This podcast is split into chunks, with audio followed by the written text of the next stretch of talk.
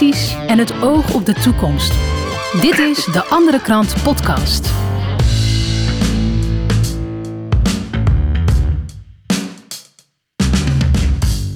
En het is weer vrijdag. Welkom bij de Andere Krant Podcast. Wekelijks praat ik met journalisten, schrijvers en iedereen die meewerkt aan de Andere Krant. Het is weer een eh, bijzondere week geweest. En eh, de voorbeschouwing gaat beginnen. En deze week ga ik beginnen met eh, journalist Ido Dijkstra. Ido, welkom. Dank je. Ja, je zit even aan de telefoon. Ehm, ja, Ido, ik, fijn je te horen. Ik, eh, ik begreep dat je nog niet zo lang eh, werkt voor de andere krant. Klopt.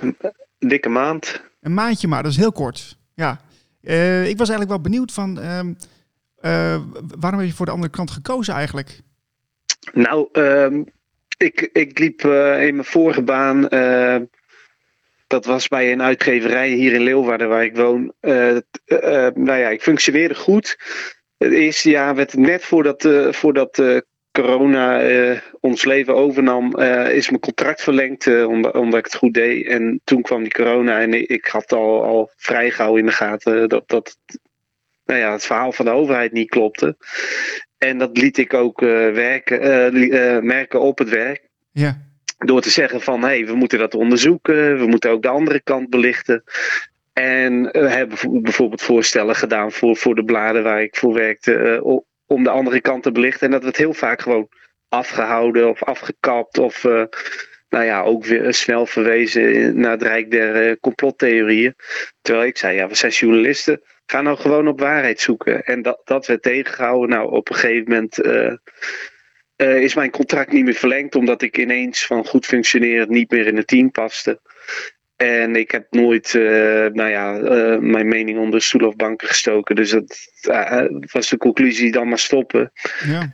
Toen ben ik een tijd lang werkloos geweest en eh, dacht, eh, ik had gedacht, er komt wel iets op mijn pad wat bij me past. Toen zei een eh, broeder van mij van, eh, hey, de andere kant zoekt mensen. Is dat niet wat voor jou? Toen, eh, toen heb ik gelijk gereageerd. En eh, dat is, eh, nou ja, nu dik, eh, ik denk dat dat twee maanden geleden is of zo. Ja, ja. ja, een mooie bewuste keuze, een mooie stap ook. En eh, nou ja, de, de andere kant is natuurlijk vaak de andere kant van het nieuws. En eh, fijn dat je met ons eh, daar eh, naartoe wil. Ehm, en je staat vandaag op de voorpagina, hè? Ja, joh, me- dat is eh, mijn eh, debuut. Ja, je, In ieder geval. eh, nou, ik heb het één keer eerder meegemaakt eh, in mijn stagetijd eh, bij de Goeie Nederlander. Oké, dat is lang Dus, geleden eh, dan. Dat is heel lang geleden, ja. Maar ja, eventjes, is eh, we, gaan, we gaan even naar het hardcore nieuws, want we beginnen leuk. Maar het, het- ja, het nieuws is natuurlijk niet echt leuk om eh, er vrolijk van te worden. Want we, we hebben het over de, de kinderen, de, de, de, de scholen die sluiten deze week. Eh, het kabinet heeft het aangekondigd en ehm, ouders en experts ontsteld over schade aan kinderen. Dat is natuurlijk een heel eh, beladen thema, maar wel belangrijk om eh, te behandelen. En ehm, ja, hoe problematisch is het nou dan voor ouders dat ze op korte termijn ja, eigenlijk hun kinderen weer moeten onderbrengen? Hoe, wat, wat, wat weet je daarvan? Ja, nou ja, ik heb, eh, ik heb eh, in mijn omgeving. Mijn kinderen zijn net te jong. Die zijn eh 1 en eh 2,5. Dus die hoef ik nog niet naar school te doen. Dus wij komen zelf niet in de problemen. Maar ik heb veel ouders om me heen die wel het probleem hebben. Ik heb ook een eh, mevrouw gesproken uit Volendam. Die staat in de krant. Die zegt van ja, ik werk. Ik, ik doe er een eh, opleiding bij. Eh, ik moet binnenkort eh, moet ik daar examens voor doen. Dus ik moet en werken, tijd vinden om, om voor te bereiden op die examens. En in één keer krijg je kinderen weer thuis. En haar kinderen, een daarvan heeft ook nog een, een beetje een, een leerachterstand. Dus die heeft het al moeilijk. Die wordt uit het normale ritme gehaald. En dat normale ritme is natuurlijk al door die hele coronatoestand op scholen. Is er ook al weinig aandacht voor haar. Dus die, die zegt van ik krijg gewoon twee ongeleide projectielen thuis eh, eh, erbij. En ik moet het allemaal maar zien te rooien. Eh, ja, ik kan mijn werk niet opzeggen, want ze werkt ook nog in de zorg. Dus ja, dan kan je ook niet vanuit, van, vanaf je laptopje eh, op de bank je werk doen. Dus wa- waar het op neerkomt voor haar bijvoorbeeld, is dat zij gewoon haar kinderen weer moet doorverwijzen naar uiteindelijk. Eh, Het allergrappigste is naar opa en oma. En opa en oma die moeten juist beschermd worden voor het, voor het eh, coronavirus. Dus hè, deze maatregelen werken in, in, dit soort gevallen compleet averechts. En daar zijn natuurlijk heel veel voorbeelden van. Ja, wat, wat me ook wel opviel in het artikel wat jij schreef, is de rol van het jeugdjournaal. Hè? Nu moet ik eerlijk zeggen dat ik, dat is voor mij al heel lang geleden dat ik nog naar het jeugdjournaal heb gekeken. Maar wat, wat wordt daarover gezegd? Ja, nou, er is een juf uh, uit Overijssel die zegt van, joh, wij, wij, uh, zij doet het niet dan. Zij kiest er bewust voor om dat niet aan te zetten. Maar wat in de meeste schoolklassen gebeurt, en uh, het grappige is, ik heb zelf een tijdje zat ik even tussen twee banen in en toen heb ik overwogen om, om ook leraar te worden. Toen ben ik ook even een, twee, drie, weken meegelopen op een basisschool. En het klopt dat je gewoon daar elke keer bij elke pauze gaat komt het uh, NOS Jeugdjournaal voorbij. En dat is dus eigenlijk, hè, zie ik nu, in een soort van ja, uh, angstpodium geworden. En daar krijg je dus de hele dag door hoe erg het wel niet is en wat met opa en oma kan gebeuren. En het is volledig het overheidspropagandaverhaal wat die kinderen tot zich krijgen. En die kinderen die zijn natuurlijk, wij volwassenen zijn al niet meer in staat om om dingen te scheiden, maar die kinderen helemaal niet. Dus die geloven gewoon wat, wat uh, via het journaal binnenkomt. Ja. Nou ja, en dat is alleen maar angst. Angst, angst, angst, zegt zij. En zij heeft hem uitgeschakeld, maar, maar toch merkt ze dat, uh, hè, dat, dat, dat die kinderen gewoon uh, angstiger worden, onrustig en, en maar denken hè, dat, dat, dat ze opa en oma wat aandoen als zij niet naar precies uh, alles volgens de regeltjes doen. Ja. Ja, het is behoorlijk triest. Ik ben zelf ook pedagoog uh, en ik zie ook een, een mooi interview van Fiona Zwart die erin staat. En ja, weet je, uh, als één ding duidelijk moet zijn, is dat, het, dat kinderen moeten duidelijkheid krijgen van de, van, van de ouders of van de opvoeders. Hè. Dat is zo ontzettend belangrijk. En als je dan iedere keer weer andere maatregelen of andere regeltjes gaat bedenken, ja, dat zorgt gewoon voor chaos. Ja, ja, absoluut. Ja, ik heb kijk, als je eh, gewoon uh, gaat kijken wat er, nou, wat er nou aan de hand is. En, uh, ze zeggen dan altijd onderzoek en wetenschap. Nou ja, we weten dat onderzoeken uitwijzen dat corona niet echt een gevaar is voor kinderen. Dat onderzoeken wijzen wel uit dat scholensluiting heel schadelijk is voor kinderen. Het onderbreken van hun ritme en, en het doorbreken van de normale gang van zaken in klassen en de groepsvorming en de vriendjesvorming enzovoort. Ervaringsdeskundigen, dus de ouders zelf, die zeggen dat de kinderen hun structuur kwijtraken.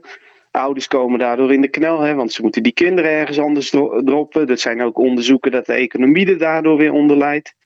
De praktijk wijst uit uh, hè, dat die kinderen dus uiteindelijk niet in hun veilige bubbel uh, uh, zitten van het huisgezin, maar of bij vriendjes of familie of opa en oma of andere opvang. En de conclusie na al deze dingen van het kabinet is laten we de scholen maar sluiten. Ja. ja dat, dat is zo ontzettend onlogisch. En ja, ik kan bijna, hè, mijn kinderen die zitten gelukkig hier thuis. En mijn vrouw die past erop. Maar ik kan niet anders dan er bijna om lachen. Gewoon het, zo kolder. Uh, ja. Ja, in, in de vorige editie, uh, Ido, in de vorige editie van de andere krant uh, las ik dat er zo'n 400 studies zijn gedaan naar de effectiviteit van de maatregelen. Hè? En uh, het effect was eigenlijk nul. En, en geldt het eigenlijk ook voor het sluiten van de scholen? Is daar, is daar ook iets over bekend? Maakt dat nog wat uit? of dat effect heb? Ja, ik heb wel, wel wat. even kijken, ik zie hier bijvoorbeeld schoolsluiting zeer schadelijk voor leerlingen en economie. Je zal uit een onderzoek uit uh, juni, juni van dit jaar. En dat heeft in het vakblad ESB gestaan, internationaal wetenschappelijk onderzoek. Uh, de balansversluiting van de Nederlandse scholen.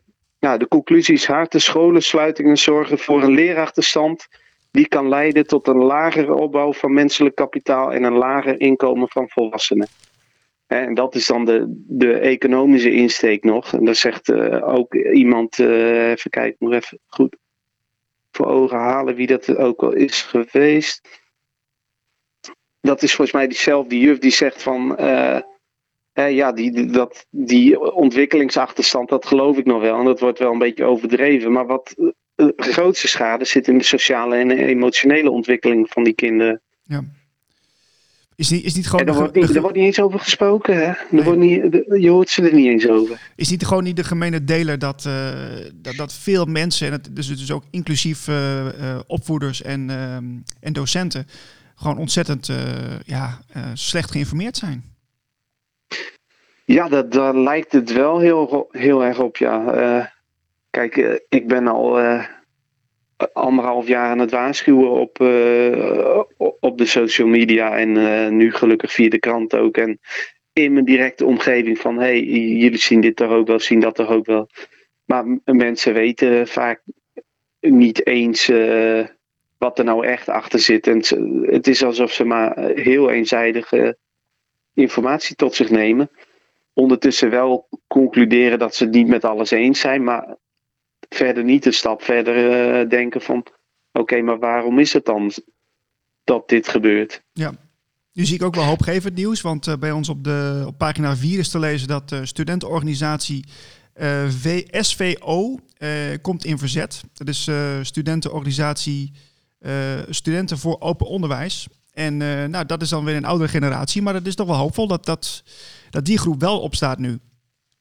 Ja, zeker. Ja. En je hebt, uh, hebben we eerder in de kant gehad, uh, de Bovenwijsbond. Die komt ook bij ons uh, aan het woord. Ook in dit stuk.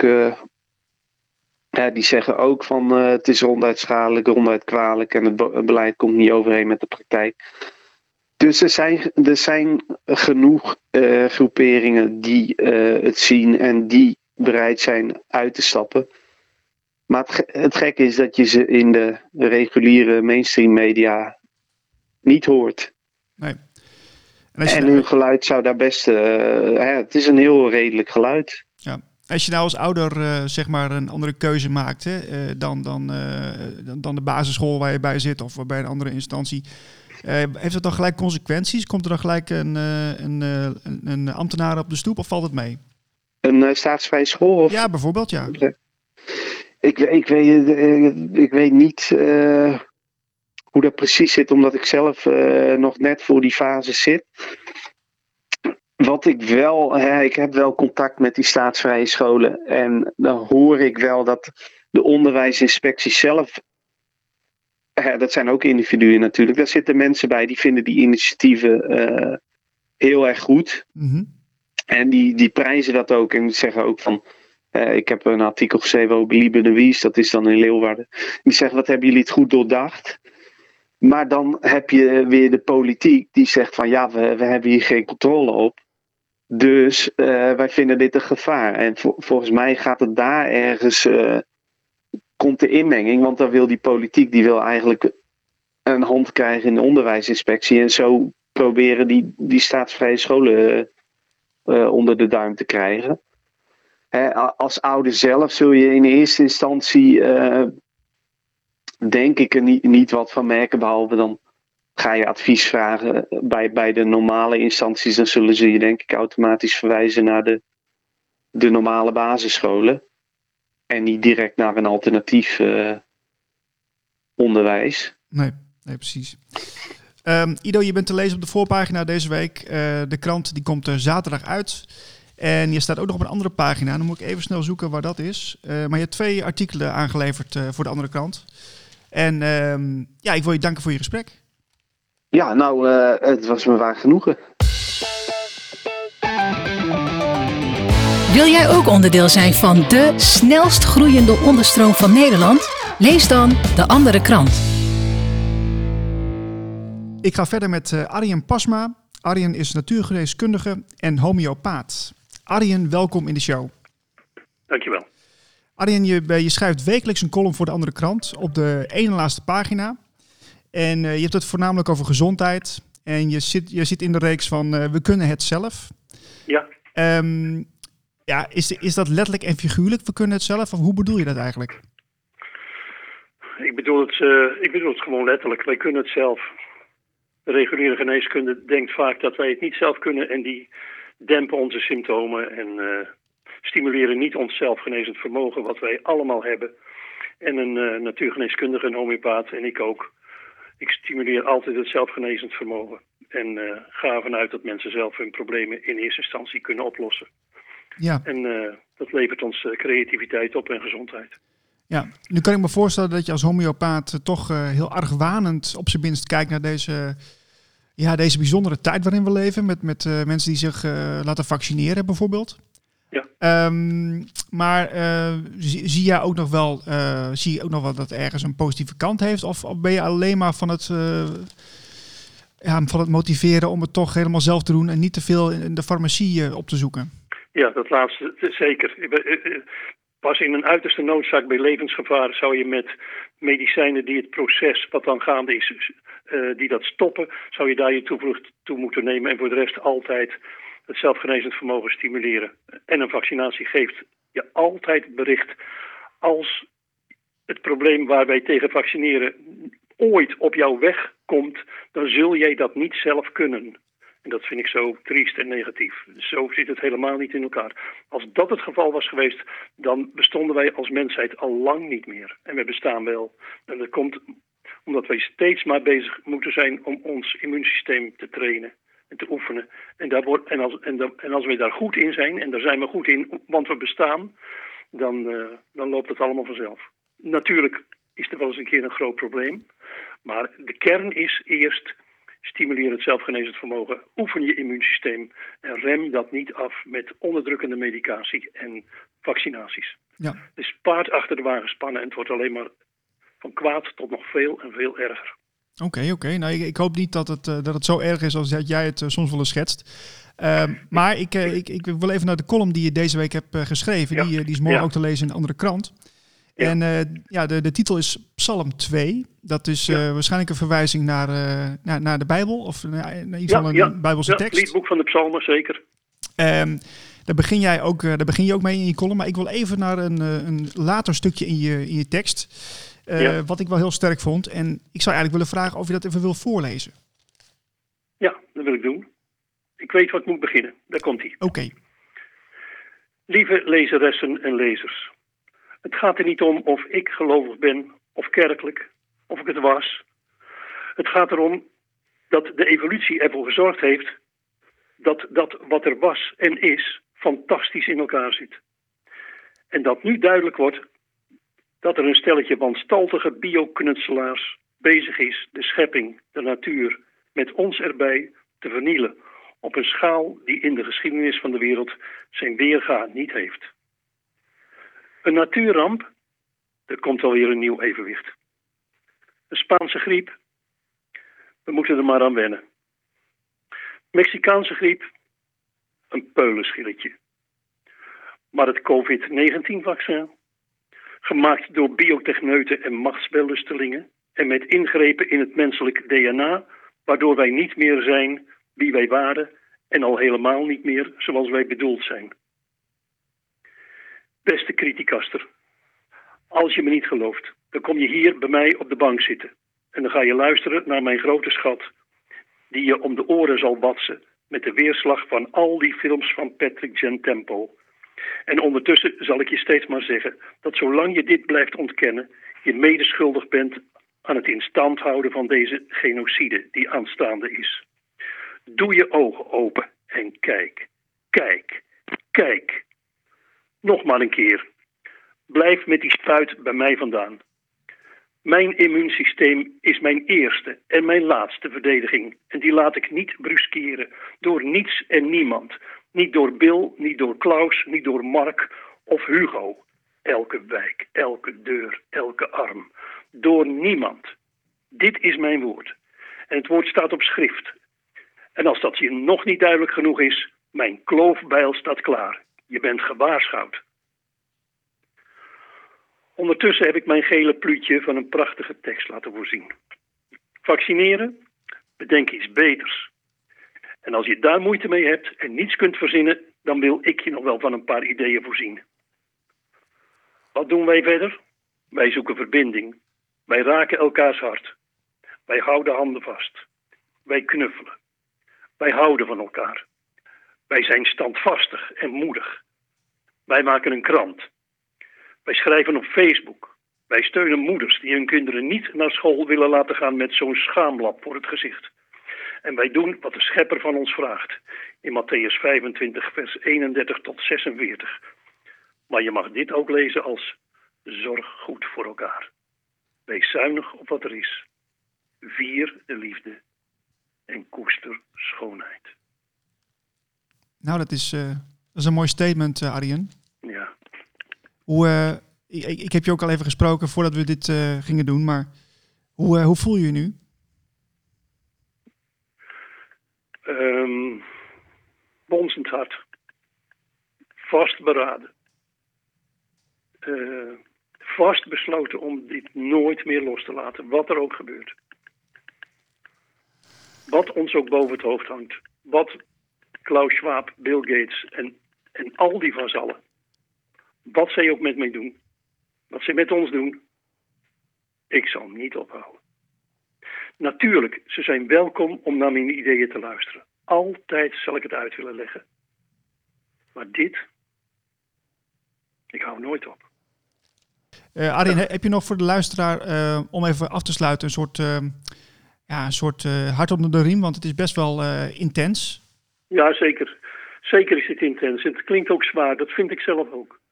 Maar ik, ik, de kern van, van, van een natuurlijke geneeskunst is altijd leer het mijzelf te doen.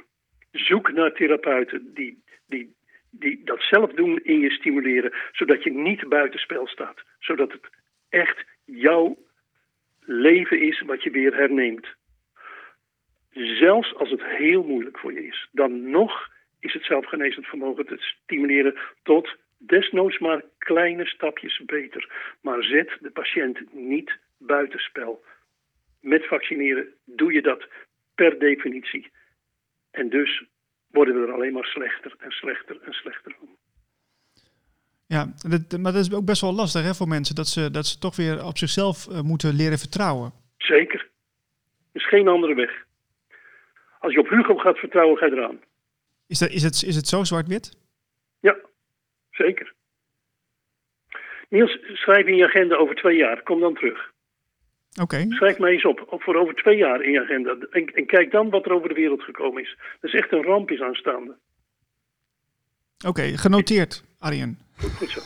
Die, vaccinaties gaat fout op korte termijn. Dan vallen er een paar sporters om. Op middellange termijn, dan gaan ze een maand later, twee maanden, drie maanden later gaan ze dood. En op lange termijn is twee, drie jaar. En dan, uh, dit is ook wat Klaus Schwab wil. Voor 1950 heeft hij de 3 miljard dood. Jeetje, um, we, we, gaan het, we gaan het uh, meemaken. Ik hoop het niet, maar um, je bent te lezen. Ik hoop het ook niet. Je bent te lezen op pagina 15 van de andere krant. Ligt morgen in de bus. En uh, ja. je bent elke week met een gezondheidscolumn, hè? Dus uh, in, jou, ja. in jouw hoek. Dus dat is wel interessant om te volgen. Ja, zeker. En, uh, het, het, moet ook een keer weer echt over gezondheid gaan en over, over ideeën. Ik heb nu veelal mijn visie gegeven tot nu toe. En daar moet ik ook een keer mee ophouden, want die visie die is nu al duidelijk. En dan moet het een keer gaan over daadwerkelijke ideeën. En hoe herwint je je eigen zelfgenezend vermogen weer? Hoe kan dat met heel eenvoudige middelen? En hoe kan dat uh, als je de boel echt goed wilt renoveren? Ja. En het, kan op alle niveaus. Ja. Het kan. Maar dat, dat heeft vooral te maken met, uh, met jezelf kennen. Dus dat is mijn ervaring. Ja, en met de goede therapeuten vinden. Oké. Okay. Um, Goed. Arjen, uh, ik wens je een heel fijn weekend. En, Dankjewel. Vond je dit nou een leuke podcast? Uh, abonneer je op ons kanaal. Spotify zijn we te vinden. YouTube en uh, LinkedIn. En uh, ja, koop de krant. Iedereen een fijn weekend. Dankjewel. Jij ook. Dag. Dankjewel voor het luisteren. Wil jij ook de andere krant bij jou thuis? Bestel hem dan op deanderekrant.nl